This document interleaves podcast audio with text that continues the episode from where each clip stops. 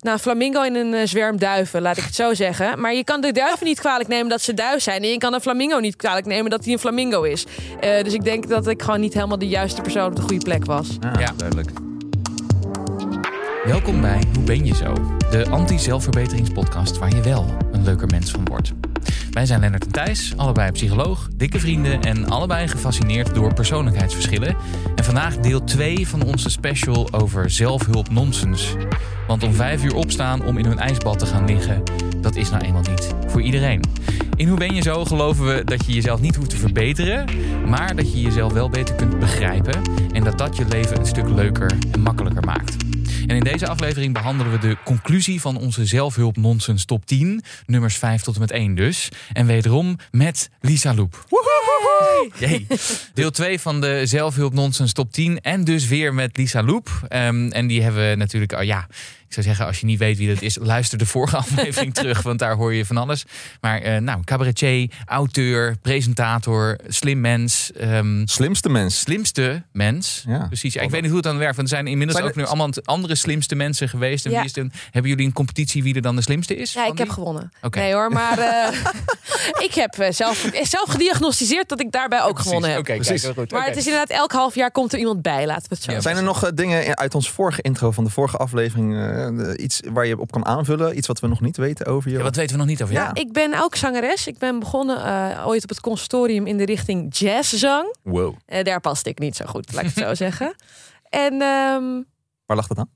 Eh, het was heel erg binnen een bepaald stramien waarin je diende te passen. Dus Bij jazz? bij jazz, ja, als zangeres moest je eigenlijk zeg maar in de traditie van Ella Fitzgerald, Sarah Ah, Vaughan, op die manier met een soort zachte ronde stem zingen. En ik heb eigenlijk wel echt een pop slash musical stem. Dus ik was ook, ik was als een, eh Je was af. nou, flamingo in een eh, zwerm duiven, laat ik het zo zeggen. Maar je kan de duiven niet kwalijk nemen dat ze duif zijn. En je kan een flamingo niet kwalijk nemen dat hij een flamingo is. Eh, dus ik denk dat ik gewoon niet helemaal de juiste persoon op de goede plek was. Ah, Ja. duidelijk. Maar goed, Volgens mij hebben we de quote voor, eh, voor de intro van, eh van Ja, deze zeker. aflevering. te pakken. Dankjewel. Iets met duiven en flamingo's. Oké. Ja, precies. Ehm, eh, laten we nog even stil. eh, Voordat we de, de, Als je dit voor het eerst luistert, luister dus ook even de vorige aflevering terug. Want eh, daar hebben we nummer 10 tot en met nummer 6 gedaan. En we gaan straks door met nummer 5 tot en met nummer 1. Maar eerst misschien ook wel even goed om stil te staan bij therapie. Ja. Want dat is een van de dingen, Lisa, waar jij veel in, eh, over schrijft in je boek. Ehm, eh, en ook wel over je, je wisselende ervaringen Ja. daarmee. Kun je iets vertellen over eh, waarin, wanneer je bijvoorbeeld wel heel veel gehad hebt aan therapie? nou, de waar ik het meeste aan gehad heb, is eigenlijk toen ik bij de psychiater kwam in 2017. En dat hij, hij heeft toen drie sessies van een uur echt uitgetrokken. En aan de hand van vragenlijsten, maar ook gewoon zijn ervaring. Ik wilde zeggen onderbuikgevoel of intuïtie. Nee, maar aan de hand van zijn ervaringen. Het was ook een, een psychiater van, nou, hij heeft 65, iemand die heel lang ervaring had. En die ook echt de combinatie van medicatie en therapie deed. Dus Ja. niet, eh, hier heb je een pil of nee, we gaan nooit pillen doen, we gaan alleen maar praten. En toen hij dus met de conclusie kwam wat mijn diagnose was, nadat hij het zo goed onderzocht had en van alle kanten bekeken had, eh, ja, dat heeft echt wel mijn. Ik zeg heel vaak, het heeft mijn leven gered, omdat ik het echt zo voel. Ik was er zo slecht aan toe op dat moment. Ik heb echt het idee dat als het nog veel langer had geduurd, dat ik misschien in een ja, in, in inrichting of zo terecht was Ja. gekomen. Ehm, dus dat is echt super waardevol geweest. Voor de rest heb ik ook cognitieve gedragstherapie gehad, eh, meerdere keren. Ehm, en ik had dus psychoanalyse bij die psychiater, waarbij je echt helemaal teruggaat tot in je verste jeugd en alles wat je ooit hebt meegemaakt, nou ja, eh, op gaat graven. En, Je eh, onbewuste drijfveren en dat soort dingen. allemaal. En ik denk dat het eigenlijk voor het feit dat ik al die verschillende therapieën heb gehad, ik heb daar allemaal iets uitgehaald. Hm. En ik heb er ook eh, niet iets aan gehad bij alles. Dus Ja. cognitieve gedragstherapie, dat is echt heel concreet. Ja. In mijn geval was het ook EMDR, dus dat is, ik weet eigenlijk, de I. Movement, Desensitization, Ja. repattering, Re- reprogramming. reprogramming of Ja. restructuring. Restructuring. Reprogramming. Ja. Ja, nou en goed. dat heeft mij geholpen om over een bepaald trauma wat ik had toen mijn vader eh, ziek was geweest. eh, ja, dat heeft me echt geholpen om dat eh, los te kunnen laten. Of dat is ook gewoon in je hersenen opnieuw geprogrammeerd volgens mij. Dus dat, ehm, dat was heel waardevol. En aan de andere kant was het ook goed om echt een keer te gaan kijken naar het feit dat ik heel erg gepest was als kind. En welke patronen er in mijn familie zitten. En dat bijvoorbeeld depressie en angsten ook in mijn familie voorkomen. En dat is iets wat ik veel meer bij de psychoanalyse heb gedaan. Dus ik ben in die zin in de, in de, in de goede omstandigheid dat ik meerdere, Ja. wederom cherrypicking heb mogen doen. Precies. Dus hebben we wat bij, bij cognitieve gedragstherapie is inderdaad het voordeel dat het heel concreet is en het nadeel dat het heel concreet is. Ja. Dat is eh, dat het wel iets dieper zou mogen. En het is soms ook moeilijk dat je binnen 10 sessies, want Ja. zo werkt de GGZ in Nederland en de verzekeringen, binnen 10 sessies moet je gefixt zijn tussen aanhalingstekens.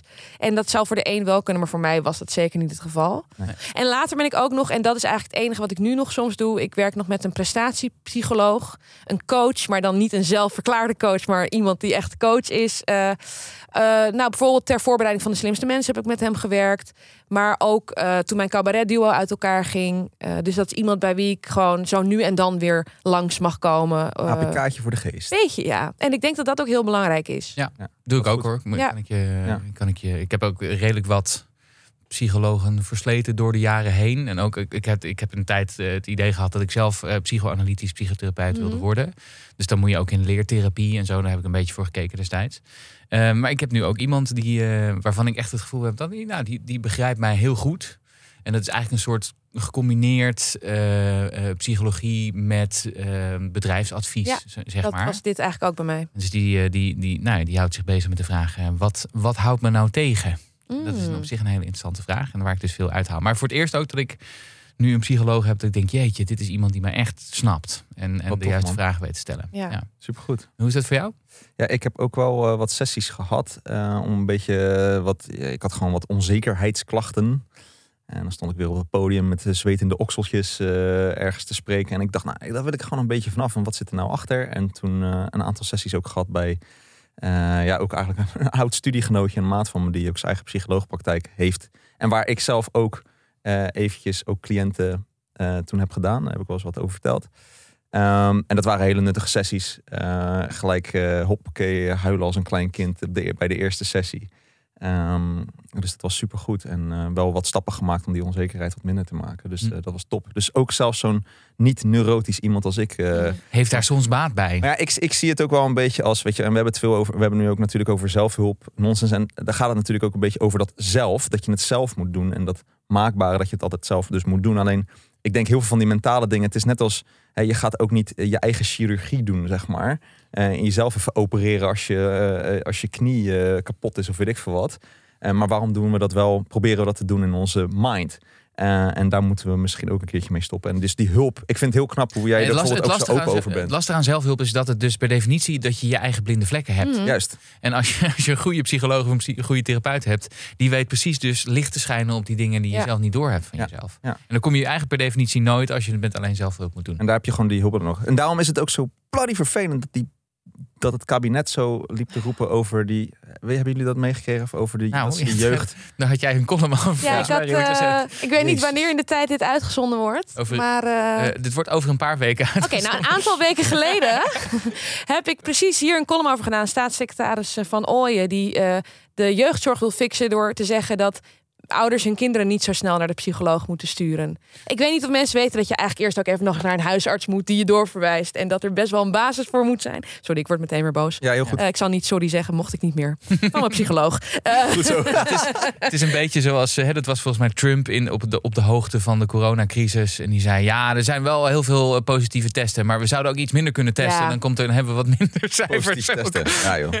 Is Nee, Ja, ik ben dus- echt hier heel boos ov- over. En ik denk dat deze staatssecretaris helemaal niet eens met de meest slechte bedoelingen van de wereld dit geroepen heeft. Alleen, het is, kan ik uit eigen ervaring vertellen, als het niet goed met je gaat, is het heel moeilijk om hulp te vragen. Mhm. En überhaupt hoe wij denken over mentale gezondheid. Dat wil ik nog opmerken. We hebben niet door dat hersenen een lichaamdeel zijn, lichaamsdeel zijn. Dus dat is waarom iemand die bijvoorbeeld diabetes heeft een insuline spuit. Niemand zal zeggen, maar je moet het toch op eigen kracht doen. En je moet zonder die zijwieltjes. Maar als je bijvoorbeeld antidepressiva slikt, wordt het wel gezegd. Ja. Of als je je been breekt, wordt er niet gezegd van ja. Ja, maar met dat zitten hou je het ook niet heel erg in stand. Terwijl als jij eh, een burn-out hebt, zegt iedereen ja, maar je gaat ook niet lekker naar buiten. Ehm, maar Ja. ik denk dat, zijn ins dat hij onbewust nu bijdraagt aan dat frame. Dat we het zelf wel op kunnen lossen. En dat we ons er overheen kunnen zetten met deze oproep. Terwijl ik in eerste instantie met deze eh, staatssecretaris van Ooyen heel positief was over het feit dat hij prestatiedruk bij jongeren onder op de kaart eh, zette. Maar dit, ehm, dit is volgens mij precies het, het verkeerde signaal. Dus lieve, lieve staatssecretaris, neem het terug, alsjeblieft. Doe wat anders. Fix de jeugdzorg. Zorg dat er plekken zijn voor mensen. Precies. Goed, Oké, ja. fight the power. 10. Fight the power! Precies. Holy shit. Ehm, That escalated ja. quickly. Eh, zelfhulp eh, top 10. En nou ja, vo- vo- voordat we in eh, nummer 5 tot nummer 1 eh, gaan. Ook wel goed om, om op te merken dat zelfhulp. Dus dat heb ik altijd zo gek gevonden. Dat zelfhulp heel erg aan trends onderhevig Ja. is. Ehm, dus in, in de paar jaar dat ik nu heel actief meekijk in de zelfhulp, omdat ik daar zelf ook in schrijf, ehm, is de, de afgelopen jaren, het was eerst ayahuasca. Dan moest je dus met ze met, gaan trippen en, en kotsen in een groep in Kotsen? Peru. Ja, dat is het hele ding Oh, met dat ayahuasca. Ja, Oh, dat ken je niet? Nee, dat wist ik niet. Ja, ik Oh, wist wel ja, ayahuasca ken Ja. ik wel, maar Nee, als je een spelletje, maar moet je ook een kotsen. matje en een emmer staan er dan voor. Oh, nice. heb Oké. Ik heb begrepen. Ik, ik heb nooit zelf ayahuasca gedaan. Ik heb er veel over gelezen. Wel andere dingen gedaan, maar dat kotsen, dat ehm, staat me toch ook wel tegen. Maar vervolgens een minimalistische lifestyle. Hmm. Dat was nog een paar jaar geleden. Ehm, dit jaar is het voornamelijk om vijf uur op en dan in een ijsbad gaan zitten. Daarvoor was het dan weer The Secrets of Ja. neurolinguistisch programmeren of hypnose. Bullet journaling hebben we nog gehad. Eh, joy, hè, dus doen wat, je, Mhm. wat joy sparkt. Eh, geen fuck geven, dat was van vooral twee, eh, twee jaar geleden. Nou hadden we het ook eh, vorige keer over Mark Manson. Ja. Ehm, dus nou ja, dus, nou, wat het ene What's jaar... next? What's ne- next? What's next? Dat is, Ja. dat, is een, dat is een interessante. Ik ben nog wel even benieuwd... Want zoals we hier zitten, hebben we dus ook best wel wat zelfhulp gelezen. Misschien nog even naar een zelfhulpinzicht dat je nog wel op dagelijkse basis gebruikt. Ja, neusademen natuurlijk. Neusademen, dat is de vorige aflevering. Maar dat is toch niet echt zelfhulp in die zin. Het helpt jou zelf wel. Maar het is ook toch gewoon basisanatomie van... Beter Het heeft door je nut om neus door je neus adem te halen. Ja, weet ik veel. Ehm, dat. Maar het is niet misschien een mentaal procesje, maar het is wel nog steeds een Het soort... helpt je wel heel erg, ja. Ik heb het ergens gelezen en ik doe het. Dat is Ja. een beetje mijn... Eh, Ik moest denken aan twee eh, inzichten die ik had uit de columns van, eh, volgens mij heet die gast Ralph Dobelli, Oh. een, column, een Zwitserse columnist, die veel over hoe het brein werkt eh, schrijft. En die had het in een van zijn columns over de genetische loterij. Ja. Ehm, dat als je in, in Nederland geboren bent, of überhaupt in het Westen geboren bent, in deze tijd, dat je al een, een winnend lot uit de, uit de loterij hebt, eh, he- hebt getrokken, zeg maar. En zeker als je ook nog uit een veilig nest komt. ehm, en En bepaalde de andere zeven vinkjes hebt. Precies, en, en ook nog eens bepaalde cognitieve capaciteiten eh, hebt. Dus, dus dat eh, al ons gepraat over dat je zelf je geluk moet maken ten spijt, heb je ook al een hele hoop mee. En moet je misschien toch een klein beetje nederig zijn en niet alleen maar jezelf op de borst kloppen van, eh, vanwege alle successen die je hebt behaald. En eh, uit dezelfde columnbundel het eh, 100 euro niet booswoord geld. Dat vind ik al een interessante mindhack. En dat is namelijk dat, dat ik op, op advies van deze Dobelli met mezelf heb afgesproken dat als er iets gaat over een geldbedrag van minder dan 100 euro, doe ik gewoon niet moeilijk. Ik, ben- ik word niet boos om dingen. Ik ga me niet rot voelen omdat iets, iets duurder was bij een restaurant dan ik had. Voor de, als het onder de 100 euro is, dan heb ik gewoon afgesloten, afgesproken. Daar hoef ik me geen zorgen over te maken. Mooi. Ja, goede mindhack, denk ik. Hele goeie. Ja. Ben je, Ehm, ben je minder boos? Dat is fijn. Ben sowieso, ja, dat is sowieso heel fijn. Ja. Het hoeft geen 100 euro natuurlijk te zijn als het voor mensen misschien wel hoog is. Nee, nee, nee, dat is waar. Maar dat, dat, dat klopt. En dat, dat zal ook meebewegen met je Met je portemonnee zo, natuurlijk. ja. Maar eh, dit is omdat ik nog wel eens de neiging had om dan heel eh, geïrriteerd te raken als een, als een, als een rekening ergens ja, een paar je euro hoger was of zo. Of dat ik dan. En nu denk ik gewoon, ja, ik maak me daar geen. Ik, ho- ik hoef me daar geen zorgen meer over. Je geeft maken. geen fucks meer. Ik geef hier specifiek minder fucks over. Ja. En Lisa, een, eh, een, zelf, een zelfhulp inzicht. Ik heb een soort van twee tegeltjes wijsheden die ik heel vaak in mijn hoofd haal.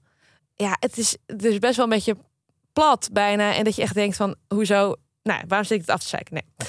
Ik heb twee tegeltjes wijsheden die ik wel eens vaak in mijn hoofd haal. De eerste is, you can't pour from an empty cup. Mhm. En dat is misschien heel bekende, maar toen ik die... Dat was echt vlak nadat ik de depressie had gehad. En... Maar, ik- eh, voor de mensen die eronder? het kennen, leg me eens in, uit. in het Nederlands, je, ja, uit een lege beker kun je niet Kun je schenken. niet schenken, precies. Nou ja, dat Van een kale kip kun je niet plukken? Ook, ja. Weet dat ik is veel. echt. Heel anders ik waarschijnlijk. denk, nou ja, wat het voor mij heel erg betekent is... Ik was, voordat ik dus een depressie kreeg, ook wel heel erg bezig met altijd voor iedereen om me heen heel erg zorgen. En vooral me niet laten helpen, maar anderen helpen. Dat vond ik ook een fijne positie om te hebben.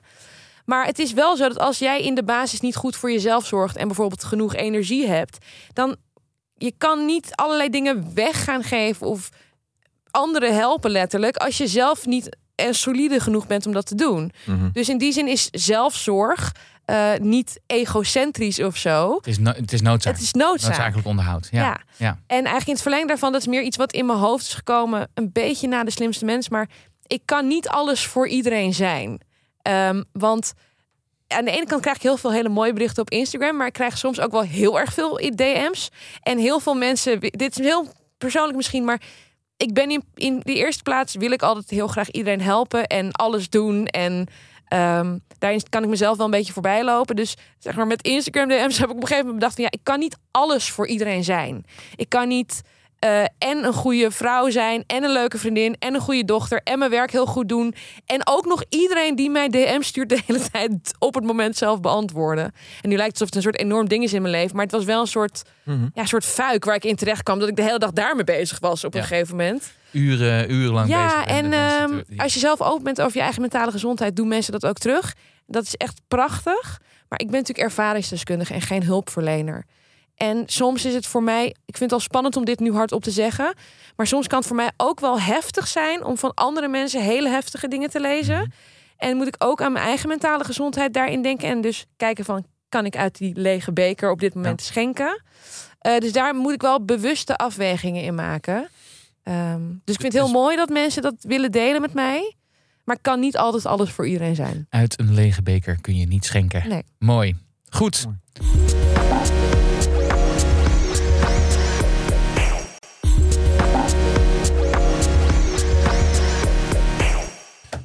Nonsens top 10 deel 2. Ja. 5 tot en met 1. Kleine trigger warning. Het zou best wel kunnen dat we iets eh, zeggen waar je een beetje boos van wordt. Ehm, en begrijp ons niet verkeerd, we zitten niet te zeuren om het zeuren. En er is ook helemaal niks mis met proberen een zo gelukkig mogelijk leven te leiden. En ook niet met hulp zoeken bij een therapeut of een coach als je vastloopt in je leven. Daar hebben we het al uitgebreid over gehad. Of ontevreden bent met waar je staat in je leven. Maar er is wel iets mis met het idee dat geluk de norm is. En dat het een heel groot probleem is als je eh, als ons normale menselijke ongelukkige gevoel de kop opsteekt. Dan maakt de druk om maar gelukkig te zijn je juist ongelukkiger. En dat moeten we niet hebben, zou ik zeggen. Ehm, goed, vijf. Ja. Alles is mindset. Oh, ja. Ja, hebben we, hebben we al een keertje eerder besproken. Hè? Dus eh, dit is een, een, een stapel uit de zelfhulpliteratuur van, eh, van onder andere van, nou, laten we zeggen, van Tony Robbins tot aan Michael Pilarczyk. Echt Mhm. het hele spectrum van alle. Sorry, deze Ehm. mensen echt. Ja? Ja, ik ga daar heel slecht op. Want? Oké. Nou, Tony Robbins, als je het hebt over je grenzen bewaken of daar overheen gaan. Eh, ik zeg het even met niet de meest grote kennis. Mensen tien uur in een hele koude ruimte laten zitten. terwijl ze doodmoe zijn. en naar jouw hele verhaal luisteren. En dan over hete kolen lopen. Het gaat alleen maar over over je grenzen heen laten gaan. Ja. En dat totale maakbaarheidsidee. En nou, het is gewoon echt een dik vet verdienmodel van die man. Dus nee, ik heb er helemaal niks mee. Los daarvan is het ook echt best wel een misogynist. Of hoe zeg je dat in het Nederlands? Een seksist. een vrouwenhaat. Nou ja, hij had al rare dingen te zeggen over MeToo. En dat Oh ja. het allemaal zo erg was voor mannen en zo. Dus het werkt op meerdere niveaus. Maar en ik vind die Michael Pilarczyk vind ik ook wel heel heftig hoor. Pff. Ja, het is gewoon allemaal zo commercieel. Ik heb nou niet het gevoel dat... Ja, misschien dat er nu al meteen allemaal triggers komen bij mensen. Maar ik vind het wel, eh, wel pittig. Ja, dus totale vercommerla- vercommercialisering van mentale hulp. Ik heb het ook een keer met eh, Michael aan de, aan de stok gehad. Want hij vond mij geloof ik een mislukt, mislukt psycholoog. Mhm. Nou ja, dat, eh, waarvan akte. Ehm, maar eh, het is in ieder geval, het gaat allemaal uit van het idee dat, dat dus je, je brein volledig maakbaar is. Mm. Ja. Eh, en dat je je gedachten zo kunt programmeren dat je alles altijd aan kunt. Ehm, en als je dan maar denkt dat je alles aan kunt, dat dat ook zo zal zijn. Maar aan de andere kant geldt natuurlijk ook dat als je het niet aan kunt eventjes in je leven, dan komt dat eh, in deze filosofie omdat je dan verkeerd denkt Ja. of zo. En vanwege je beperkende overtuigingen. Ehm, en elk probleem is een kans, et cetera, et cetera. Ja. Ja, En- nou, er, zijn, er zijn natuurlijk wel dingen in, in, in mindset die, die wel enigszins hout snijden. hè. Placebo-effect is gewoon eh, wel bekend dat dat er gewoon echt is. Hè. Als je mensen suikerpilletjes geeft en zegt dat het een heel goed pilletje is. En dan gaan ze geloven dat het werkt. En dan werkt het ook wel tot Mhm. op zekere hoogte. Ehm, en zo zijn er natuurlijk ook heel veel andere dingen die, Ja. als je hersenen het maar hard genoeg geloven, dan, dan werkt het soms ook voor je. Maar hier dus wordt, wordt dus weer, denk ik, door de war gehaald dat, dat dingen die een beetje kunnen helpen, hè, dat je je gedachten ook een beetje tegen kunnen zitten of soms een beetje kunnen helpen. Maar dan de, de komische uitvergroting ervan is je Juist. kunt alles veranderen Precies. aan je en gedachten. dat is het inderdaad. Dus het is de mix van. eh, en ik, ik hoorde nu een, een leuk onderzoek over eh, dat ze. Eh, bij mensen die dus, eh, die kregen dan een milkshake, zeg maar. En dan werd er tegen de ene groep werd gezegd... oké, in deze milkshake zitten heel veel calorieën. Hè, dus, eh, weet ik veel, 600, 700 kilocalorieën. En tegen de andere groep gezegd... nee, er zit heel weinig kilocalorieën in. iets van 100 of zo. En uiteindelijk bleek het... Hè, dus voor iedereen was dezelfde milkshake... was ongeveer 300 kilocalorieën. Maar de mensen die dus dachten dat ze veel meer kilocalorieën kregen, die waren minder hongerig en, en vielen dus een klein beetje af. Omdat ze dachten, ik, eh, ik heb hartstikke veel kilocalorieën binnen, dus ik heb helemaal geen honger. Dus het helpt wel, alleen het moet wel in combinatie zijn. Dus het, er moet ook wel daadwerkelijk kilocalorieën in zitten. Zullen we dit het, het Toma-dieet noemen? Het Toma-dieet, nou ik weet niet of je dat zo moet noemen, maar eh, milkshakes, altijd goed, eh, kom maar door. Oké, oké. Eh, maar, maar ik vond het wel interessant. Dus eh, er zit wel iets van we, ge- eh, ons geloof of hoe onze hersenen ergens in kunnen geloven, heeft wel degelijk effect op bepaalde hormonen in ons lichaam of hoe, Ja. hoe er iets gebeurt. Dus lichaam en geest werken gewoon samen. Ja. Maar je moet ook wel daadwerkelijk iets fysieks er ook bij doen. Je kan niet Maar zomaar uit het niks geloven. Ik heb nu, ik geloof nu dat ik 600 kilocalorieën Ja. zonder iets te doen naar binnen heb gebracht. Then it's not gonna work. Want wat is mindset? Ja, dat is een hele goede vraag. dat is een... he- Ik ben nu echt een soort Word- kleuter soms Ik word hier maar... dus ook, ook nooit wijzer van. Maar waarschijnlijk de manier waarop je, je Ja. of laten we zeggen het frame waarmee je je gedachten gebruikt. Zal ik het zo Oké. maar even zeggen? Want de volgorde is volgens mij toch... Je hebt een gedachte Ja, en dan daarna vind je bijvoorbeeld iets van die gedachte. ja. Maar er is eerst een onwillekeurige gedachte, toch? Mhm. Wij zijn niet de hele dag heel bewust onze gedachten aan het maken. Nee. Dus dan is het toch al verkeerd om Nou eigenlijk. ja, dus wat je zegt, hè, het verschilt soms. Dus hey, je komt een beetje vanuit de cognitieve gedragstherapie, Ja. zeggen ze ook wel eens hè, van je gaat van eh, gedachten naar gevoelens en blablabla. Ja. Maar het kan natuurlijk ook andersom. Bepaalde gevoelens kunnen natuurlijk ook bepaalde gedachten creëren. Dus eh, er zit een, is een continue mix daar. Mhm. Ehm, dat. En, we- Maar is- je- is een mindset niet gewoon een, een, een set van, laten we zeggen, overtuigingen Oh, over zo. hoe je moet leven en hoe je moet denken? precies. En dat, dat staat Oh, dan nog los van die gedachten die er dan oppoppen. En ik maar... dacht dat het heel erg je gedachten sturen was. Nou ja, we hebben het Ook. wel eerder gehad in de podcast over een growth mindset. Daar had jij een hele rant over. Ja, dat en klopt, dat ja. is dus bijvoorbeeld het idee dat je... eh, ja, hoe kan je dat samenvatten? Nou ja, met growth mindset ga je, geloof je dat je, eh, eh, dat je bijvoorbeeld eh, slimmer kan worden of Mhm. eh, eh, heel veel dingen beter kan doen naar de toekomst toe. En een fixed mindset geloof je, nee, ik ben zoals ik nu Ja, ja. ben en dat gaat niet verbeteren. En ergens zit er wel natuurlijk een kern van waarheid. Als je alleen maar denkt van, dit ben ik en ik kom niet verder dan dit, ik kan niks nieuws leren enzovoorts. Ja, dan ga je ook minder snel iets nieuws proberen te leren. Dus er zit een self-fulfilling prophecy in.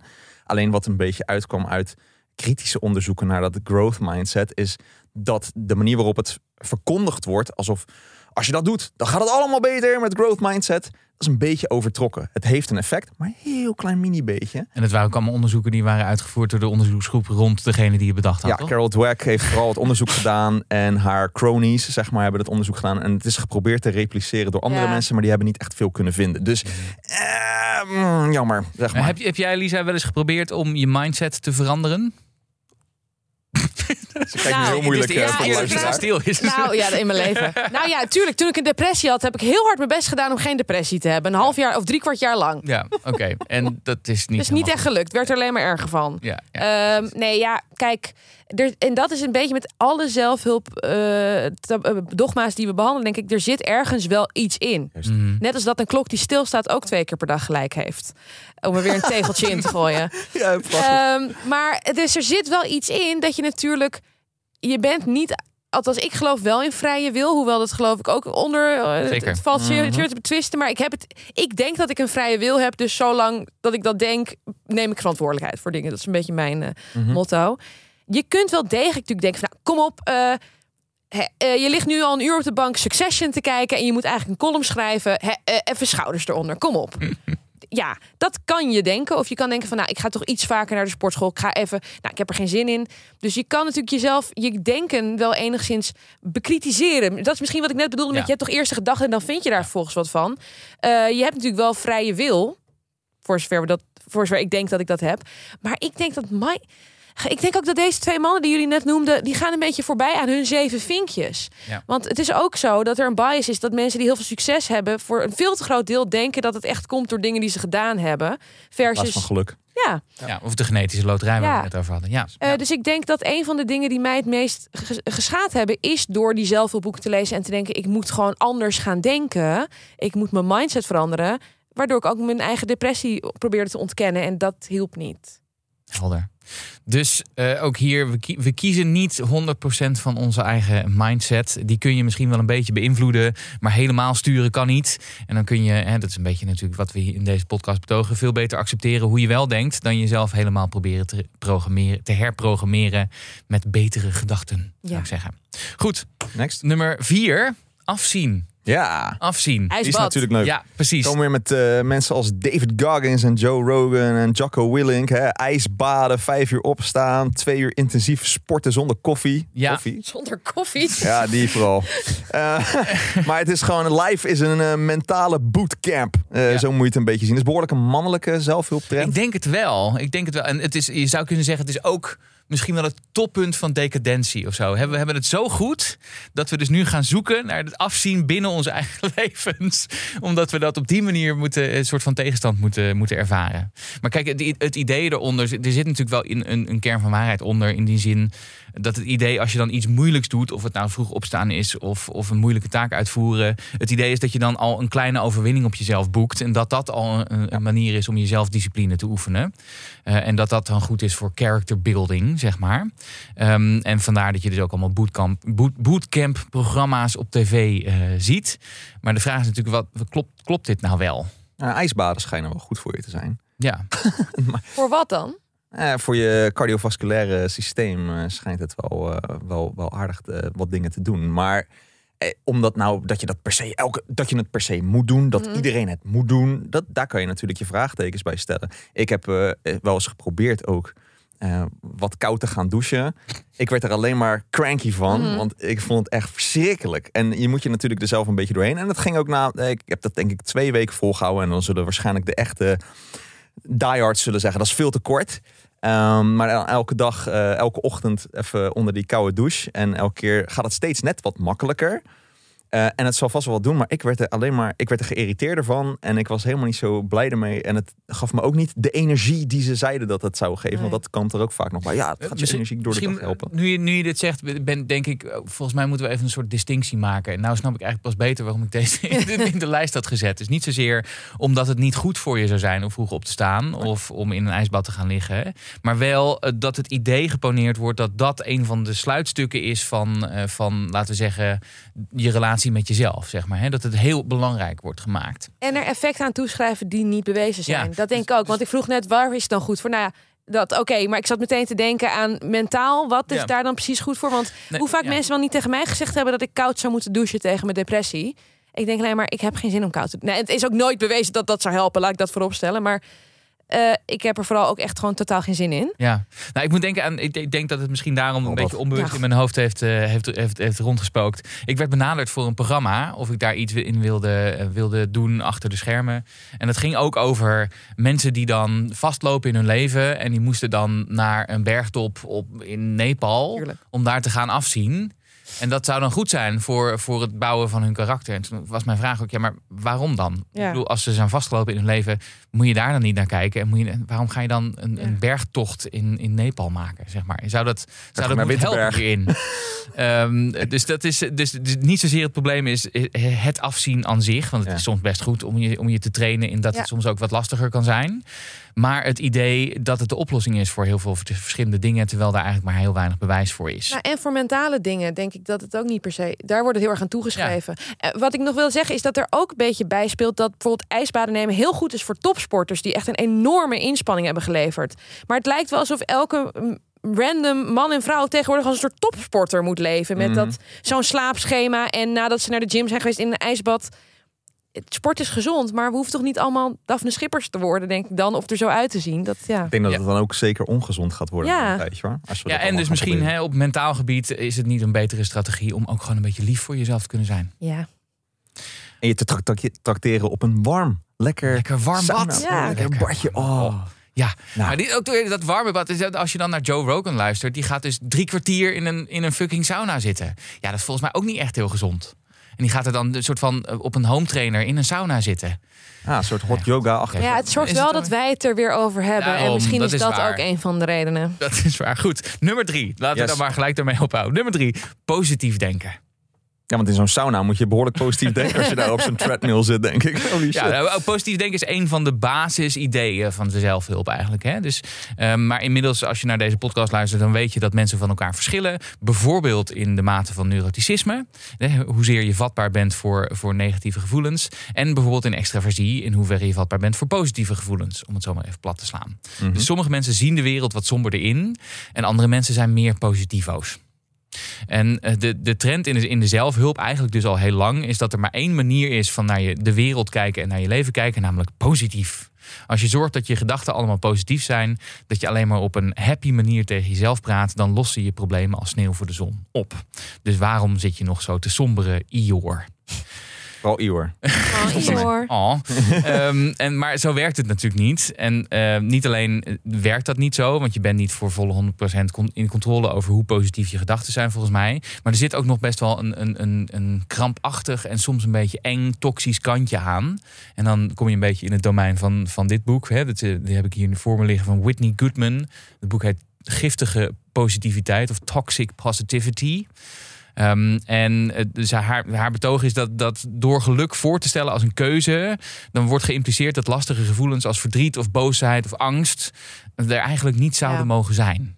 Het idee van positive vibes only. Ehm, en dan voel je je dan dus ongelukkig, dan heb je dus zelf niet goed gedacht. Dat Ja. is eigenlijk vaak het idee. Ehm, en dat is dus het idee van die giftige positiviteit. En dan, dat- Goodman heeft het dan over het advies dat dus nogal in de geluksindustrie rondgaat. eh, dat mensen ook als ze te maken hebben met echte problemen in hun leven, vooral dus alleen maar positief mogen zijn. Omdat negatief, dan, dat, dan mes je met het universum, zeg maar. En dan heb je Ja. de, de verschillende, de, de verkeerde vibes stuur je Ja, dan ja. uit. Ja, ik snap, haar, ik snap haar wel. Ik denk dat je, als je natuurlijk eh, eh, je, je negatieve gevoelens, of ja, je sombere gevoelens, juist heel erg probeert te onderdrukken, eigenlijk met allemaal van Ja. dat soort positieve gevoelens, Ja. dat gaat je op termijn echt wel heel erg dwars zitten, denk ik. Nou ja, een van de voorbeelden die zij noemt is: eh, stel nou dat je ontslagen wordt. Ja. En je, je hebt daarna een gesprek met een, eh, met een eh, toxisch positieve vriend of vriendin. En je zegt: Nou, ik zit er best wel mee dat ik ontslagen ben. Ik vond een leuke baan. Nou weet ik niet meer waar ik, eh, wat ik wil met mijn leven. En dan zegt die, die vriend of vriendin: Ja, maar je hebt nu wel lekker de tijd om even rustig Mhm. na te denken over wat je wel kan doen. Zeg maar. Ja, ze optimisten. Dus, eh, ja, dus, en er zit dus ook iets krampachtigs in. Van, oh nee, als we maar niet negatief zijn. Ehm, Die gevoelens mogen er gewoon zijn. Dat Ja. is juist, dat, zo zou het moeten zijn. En inderdaad, anders druk je het echt wel weg. Of, en dan komen die gevoelens komen echt wel later een keertje de kop opsteken. Het is ook een beetje met een soort predestinatiegevoel zelfs nog te maken. Van Ja. alles gebeurt met een reden en er komen allemaal positieve dingen uit. ja, Hoeveel mensen ook wel niet tegen mij hebben gezegd dat mijn depressie een cadeautje was. Nou ja, als dat zo was, dan wil ik het ruilen. Maar eh, Nou, echt, hè? ja, sommige mensen moeten er die spin voor hunzelf, denk ik, aan geven. Misschien is het ook überhaupt met alle zelfhulp ook een gebrek aan religie wat we tegenwoordig hebben. Waardoor we nog steeds op zoek gaan naar een soort ja, waarheden en ook dat afzien. ja. Ehm, maar ja, je gevoel mag er dus eigenlijk dan. Het is gewoon ontkenning van gevoelens, vind ik dat toxische positiviteit. Eh, en ja, shit happens in het leven en niet altijd met een reden. Zelfs meestal niet, denk ik. En je moet ermee dealen en dan, ja. Denk je- denken jullie ook dat het eh, ook een beetje mede door social media... Nou, jij bent een boek eh, aan het schrijven over social media... dat het mede door social media komt dat we altijd maar positief mo- zouden moeten zijn. En dus, eh, we moeten altijd happy de peppy op... eh, Ja, kijk, ik denk dat er sowieso een enorme drive is om te laten zien hoe leuk je leven is. Mhm. Maar dat is nog iets anders dan, dan eigenlijk het mentale spel waar ik het in dit geval over heb. Over dat je eigenlijk van jezelf geen negatieve emoties mag ervaren. Mhm. Want dat is dus, als je heel erg ter harte neemt wat je in allerlei zelfhulpadviezen leest, is, komt het min of meer daarop, daarop neer. Hè? Dus en als zo kan je het in ieder geval wel Som- interpreteren. ja, als je je somber voelt, dan heb je het dus verkeerd gedaan. Dan Ja. denk je verkeerd. En ja, ja, ik, ik denk ook dat het heel erg appelleert aan iets dat we heel graag willen. Namelijk dat ons leven eh, beter, succesvoller, fijner en gelukkiger kan zijn. En daar, op zich is er niks mis met positief zijn. Maar wel als het dus een verplichting wordt om Juist. dat te zijn. En we willen graag een quick fix voor alles. Ja, precies. Maar wat ik wel herken is bijvoorbeeld als ik echt heel chagrijnig over iets ben. En dan denk ik, nou, eh, ik moet even uit deze sfeer of zo. Ja. En dat ik dan even naar buiten ga en een blokje omloop. Om gewoon even, ja, dan kom je even in je lichaam of zo. En dan ga je heel even uit het hoofd weg. Maar dat vind ik nog wel iets anders dan ik mag dit niet denken en ik moet nu positief zijn. Ja, want dan, heb- dan ben je daarna dus een keertje somber of, of, of gedeprimeerd. En dan word je ook nog eens boos op jezelf Ja. dat je dat voelt. En dat Ja. is niet, niet de handige strategie. Dus ehm, ja, als je je af en toe even somber voelt of negatief, join the club.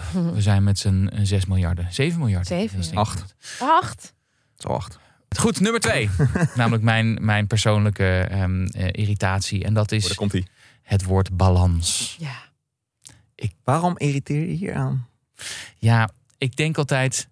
Het is een woord dat mensen heel vaak gebruiken als je het hebt over mentale gezondheid. Het gaat gewoon over balans. Dan denk ik altijd: balans tussen wat en wat dan? Dit woord heeft gewoon een hele letterlijke betekenis. Namelijk dat je je balanceert tussen twee uitersten, zeg maar. En die, die worden dan nooit. Het wordt, het wordt eigenlijk gewoon eh, shorthand voor je wel prettig voelen of wat minder werk doen of zo. Het kan heel veel betekenen en daarom betekent het dus eigenlijk niks. Mm. Dat is mijn irritatie. Zit een beetje bij content creep waar we het. eh, Ja, ja precies. Het is dus over wel een kernwoord in, in, in heel veel zelfhulp, zou ik zeggen. Dus hè, je moet in balans zijn in je leven. Eh, heel belangrijk. Je moet streven naar balans. Ehm, en er wordt meestal dus niet bij gezegd wat je dan precies met elkaar in balans moet houden. En bevo- dit, dit is, ik schrijf en spreek dus veel over stress. En dan hebben mensen het vaak over. Ja, je moet gewoon in, dingen in balans houden. En vaak bedoelen ze dan gewoon je moet iets minder hard werken. En soms komt er dan de werk-privé balans ehm, bij kijken. En daar ben ik ook ook een een beetje eh, sceptisch over. Want ik denk, praktisch niemand heeft een optimale werk-privé balans. Want dan gebeurt het leven en dan ligt alles weer overhoop. Ehm, en dat streven naar, naar dingen, dat dingen in balans zijn, is volgens mij niet per se de beste strategie om te hanteren. Wat je veel beter kunt doen, is strategieën hebben, tools hebben, waarmee je op het moment dat je net over de grens heen bent, jezelf ook weer een beetje naar, naar een gezond territorium kan terugbrengen, zeg maar. Veel beter dan zorgen dat in godsnaam maar van tevoren alles in balans is. Ja, dan ben je eigenlijk voor, bijvoorbeeld al bang voor iets. Precies. Dat is al mijn leven natuurlijk. Maar eh, Ben jij in balans, eh, Lisa? nou, wat is balans? Dat vind ik inderdaad, wat geldt voor wie? Want voor mij zal iets anders gelden dan voor jullie. Ja. En dat ik dus destijds eh, de diagnose burn-out kreeg, dat was dan heel erg gerelateerd aan dat ik te hard gewerkt had. Ja. Maar toen bleek dat ik een depressie had, had het helemaal niks met te hard werken te maken. Nee, nee, precies. Dus het is zo, echt zo'n platitude is het in die Ja. zin om het gewoon.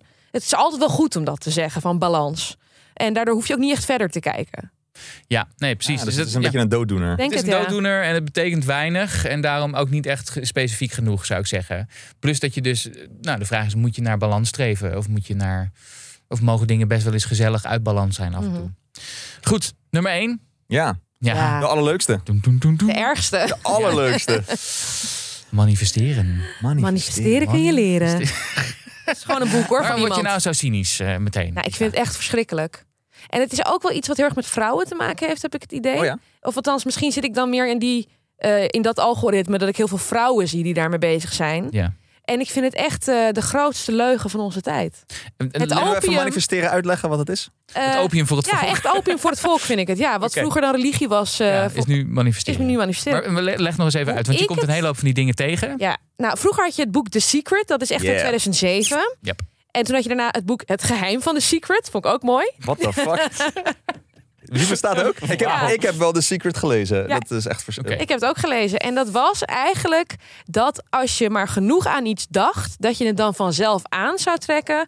Want dingen trekken elkaar in de, in de natuurkunde, trekken dingen elkaar aan. Dus als ik denk, en er stonden echt voorbeelden in van, nou, ik dacht aan geld en toen lag er ineens een cheque van 1000 euro in de brievenbus. Dat, dat staat er gewoon echt in. Of ik, eh, ik dacht dat ik dun zou worden. En toen hoefde ik helemaal niks. Nou, die, die milkshake waar jij het over Ja, ja, had. ja. Toen hoefde ik niks te doen. En toen was ik ineens heel dun. Ehm, dus eigenlijk echt, je gaat gewoon op je luie reet zitten op de bank. En je denkt aan iets. En dan komt het vanzelf naar je toe. Maar als het nou niet lukt. Ja, dan heb je niet, goed, niet hard genoeg eraan gedacht. Heb je niet genoeg je best gedaan. Dus de, het is dus de ene kant het idee dat als je maar hard genoeg, eh, eh, laten we zeggen, positieve vibes en wensen het universum instuurt, dat het vanzelf gebeurt. Ja. Maar dus ook de, onherroepelijk, de, de andere kant van die medaille is dat als het dan niet lukt, dat je niet hard genoeg je best hebt gedaan. Ja.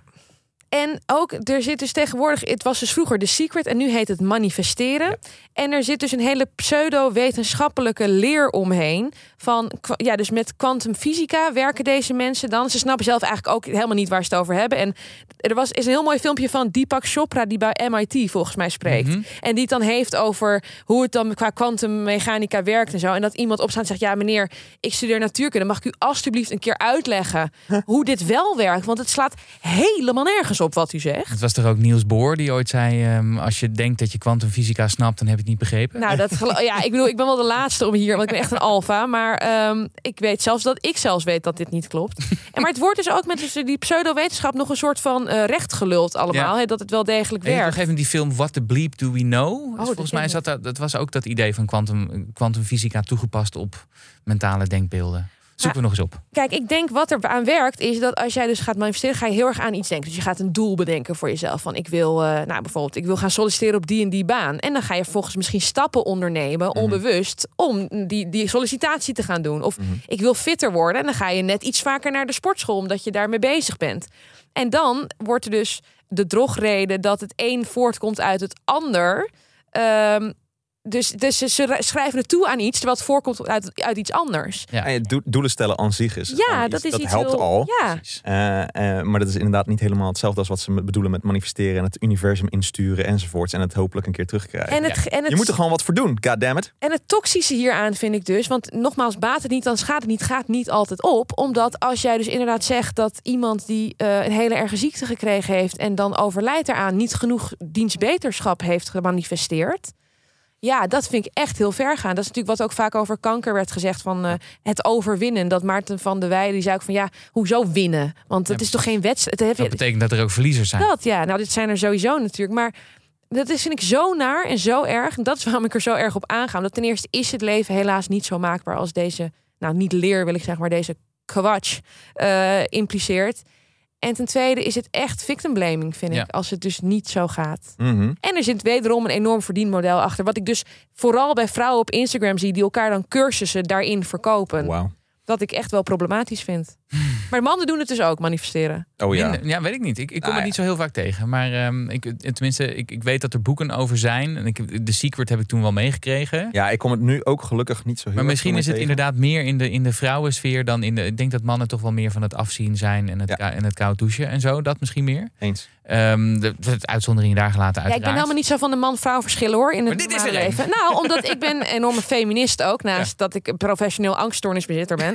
Eh, en, eh, en ik vind het daarom dan als vrouwen elkaar dus op zo'n manier soort van in de greep houden met zo'n wat mij betreft eh, dwaalidee, vind ik dat wel heel heftig om te zien. Dus vandaar dat ik het nu wel benoem, maar normaal geloof ik daar niet in. Ja, dus er is weinig mis met doelen stellen voor jezelf. Ja. Dat is ook heel gezond. En dingen doen om dingen voor elkaar te krijgen. Eh, het is vaak de enige manier om dingen voor elkaar te krijgen. En dat je er ook mee bezig bent met die doelen ook te gaan halen. Hoe duidelijker de doelen, hoe groter de kans dat je actie onderneemt en die ook haalt. Maar verwachten dat het universum zich zo plooit dat jouw wensen uit moeten komen, is natuurlijk een recept voor teleurstelling en ook voor, voor zelfoverschatting, zou ik zeggen. Het universum heeft wel meer te doen dan jou te willen zijn. Zo is het. En eh, met die wijze woorden van Thijs gaan we lekker afronden. Ja, Eh, ik denk dat we kunnen samenvatten van dit alles, van al die zelfhulp nonsens is. Ik denk dat het een beetje een combinatie, dat wat wel werkt mogelijk, is een beetje een lichte combinatie van dat cherrypicken bij verschillende dingen. Eh, zoals een beetje doelen stellen, zoals soms misschien jezelf een klein beetje uitdagen. Misschien een ijsbadje één keer in de zoveel tijd nemen. Het hoeft niet altijd, doe maar lekker niet. Warm bad is lekkerder. Ehm, eh, eh, en eh, dat het zeker geen one size... wat zeg ik nou? One size fits all. geen one size fits all is. Ik kwam even niet op de fiets. Dat is grappig. Nou ja, Geen ik had niet goed gemanifesteerd. Ik had niet goed gemanifesteerd naar het universum. Dat lijkt Ja. me weer. Dus, Maar eh, dus, dus neem mee wat je kunt gebruiken zonder dat je er een rotgevoel over jezelf ehm, over krijgt. En zorg dat je niet ehm, problemen krijgt aangepraat die je eigenlijk niet ja. hebt. Of een veel te dogmatische manier van naar de wereld kijken, want daar wordt het niet beter van. Blijf Dus, vooral eh, zelf Gooi een aantal van die, ja precies, gooi een aantal van die zelfhulptitels eh uit je boekenkast. Dan heb je ook nog ruimte om eh, Bang van Lisa Loep te kopen. Ja, super tof. Want dat is eh, zeker een aanrader om te gaan, eh, om te gaan lezen. Dankjewel, Lisa, Yes. Voor deze bedankt. twee weken ehm, zelfhulp afkraken. Rant. Die volgens mij dus wel erg, ja, een rant die, eh, die volgens mij heel erg nuttig is. We konden je er goed bij gebruiken. Nou, Ja. ik vond het heel leuk. En ik wil nog even zeggen tegen de luisteraar. Als je hulp nodig hebt, er is hulp beschikbaar, weet je wel. Zoek dan de juiste hulp alsjeblieft. En ga niet in zee met charlatans, want daarvoor is je mentale gezondheid echt te belangrijk. Goed gezegd. Lieve Lisa, heel hartelijk dank. Dankjewel. We gaan afronden. Yes, dus uh, heb je nog wat over jezelf geleerd in deze aflevering? Vast en zeker. Laat het ons dus weten via onze social media kanalen. Je kunt ons vinden op Instagram, TikTok en YouTube onder naam Hoe Ben Je Zo podcast. We zijn heel erg benieuwd wat je hebt geleerd. En review ons natuurlijk met vijf sterretjes overal op Spotify, iTunes enzovoort. Yes, en onthoud zeker uit deze uh, aflevering dat je jezelf niet hoeft te verbeteren. Een leuker leven begint bij meer begrip en acceptatie en het idee opgeven dat je anders moet zijn dan je bent. En dat geldt voor authentieke zelfjes en ook voor maar ook voor sombermansen. Doei!